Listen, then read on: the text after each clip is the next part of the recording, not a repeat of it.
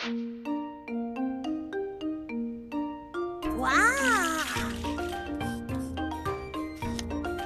ha, Hauek balio dute. bai. Prest, ipuin txikiak eta soinu handiak. Itxaro nahi da, unetxo bat. Ra,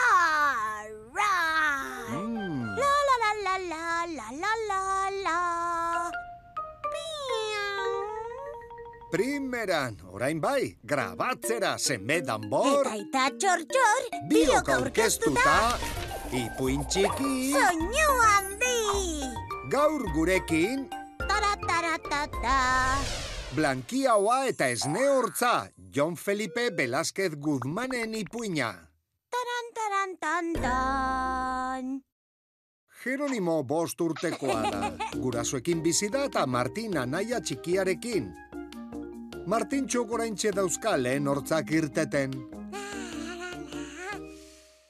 Jeronimo jatun handia da eta gozozale handiagoa amak ikusten ez duenean eskutuan ark goizero prestatzen duen marmelada hartzen du.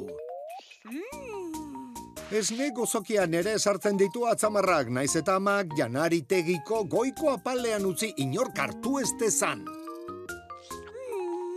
Eta naia txikiaren aia ere hartzen du bere kollararekin, Martintxo negarrez utziz.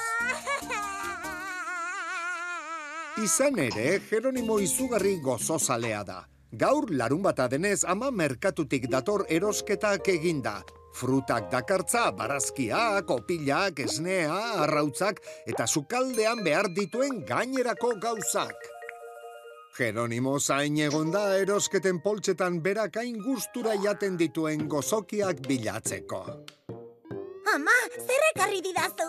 Alako poltsa batean bolatxo batzuk ikusi ditu hartalasto lehorretan bilduta. Txikitxoak dira borobilak, jakin minez eskua luzatu du hartzeko baina amak herri eta egin dio. Jero begira nago, ez dituzu hartuko gero? Botika bat egiteko erosi ditut, hori esan eta janaritegian gorde ditu. Ah, banik probatu egin nahi nituen. Mm. Jeronimo hartzalde osoan egonda asmatzen nola probatuko ote dituen hartalastoan bildutako bolatxoa haiek. Badakit! Orduen, aita Martintxorekin telebista ikusten egonden bitartean, jangelako aulki bat sukaldera eraman du. Isil, isilik, sukalde gainekoaren kontra jarri du. Gainera igo da, goiko apaleraino heldu ahal izateko eta luzatuta bolatxo bat hartu ahal izan du. Kontuz kontuz ireki eta barruan masa gogor zuriska bat aurkitu du gurpiltxo baten formakoa, banila eta anis usain zoragarri hartu dio.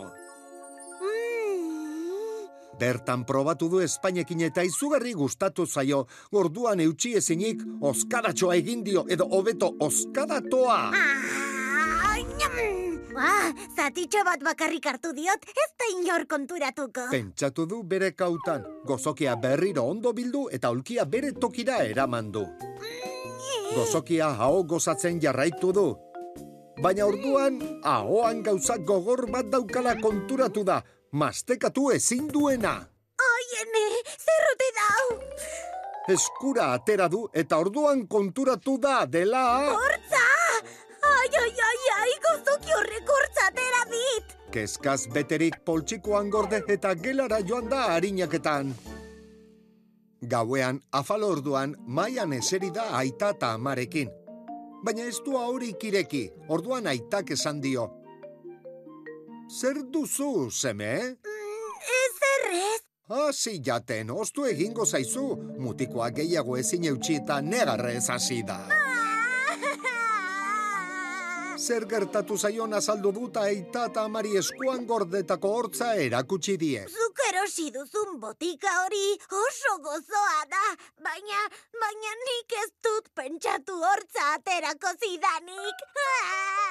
Gurasoek barre algara egin dute.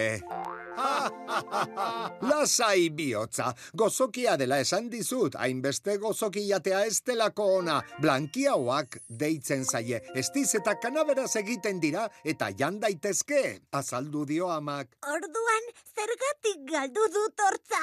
Hori normala da, seme. Zure adinean denoi erortzen zaizkigu esne hortzak, hogei esne hortzak galtzen ditugu, eta haien tokian betiko izango ditugunak azten zaizkigu, erantzun dio aitak. Honek ez du esne zaporerik. Ez bihotza, haurtxoak garenean irteten zaizkigulako deitzen zaie horrela, aurrek esnea hartzen dutelako. Jeronimo lasai geratu da, eta aurrerantzean hainbeste gozoki ez duela jango erabaki du. Esne hortza edalontzi batean gorde du, eta hortzak eskuilatzen hasi da, nagusiek eskuilatzen dituzten bezala. Eta orain gehien gustatzen zaiona egiten du, gurasoek ematen dizkioten gozokiak jan. Eta hala izan bazan... Sardadila kalabazan, eta irten dadila gure herriko plazan. Tarararara,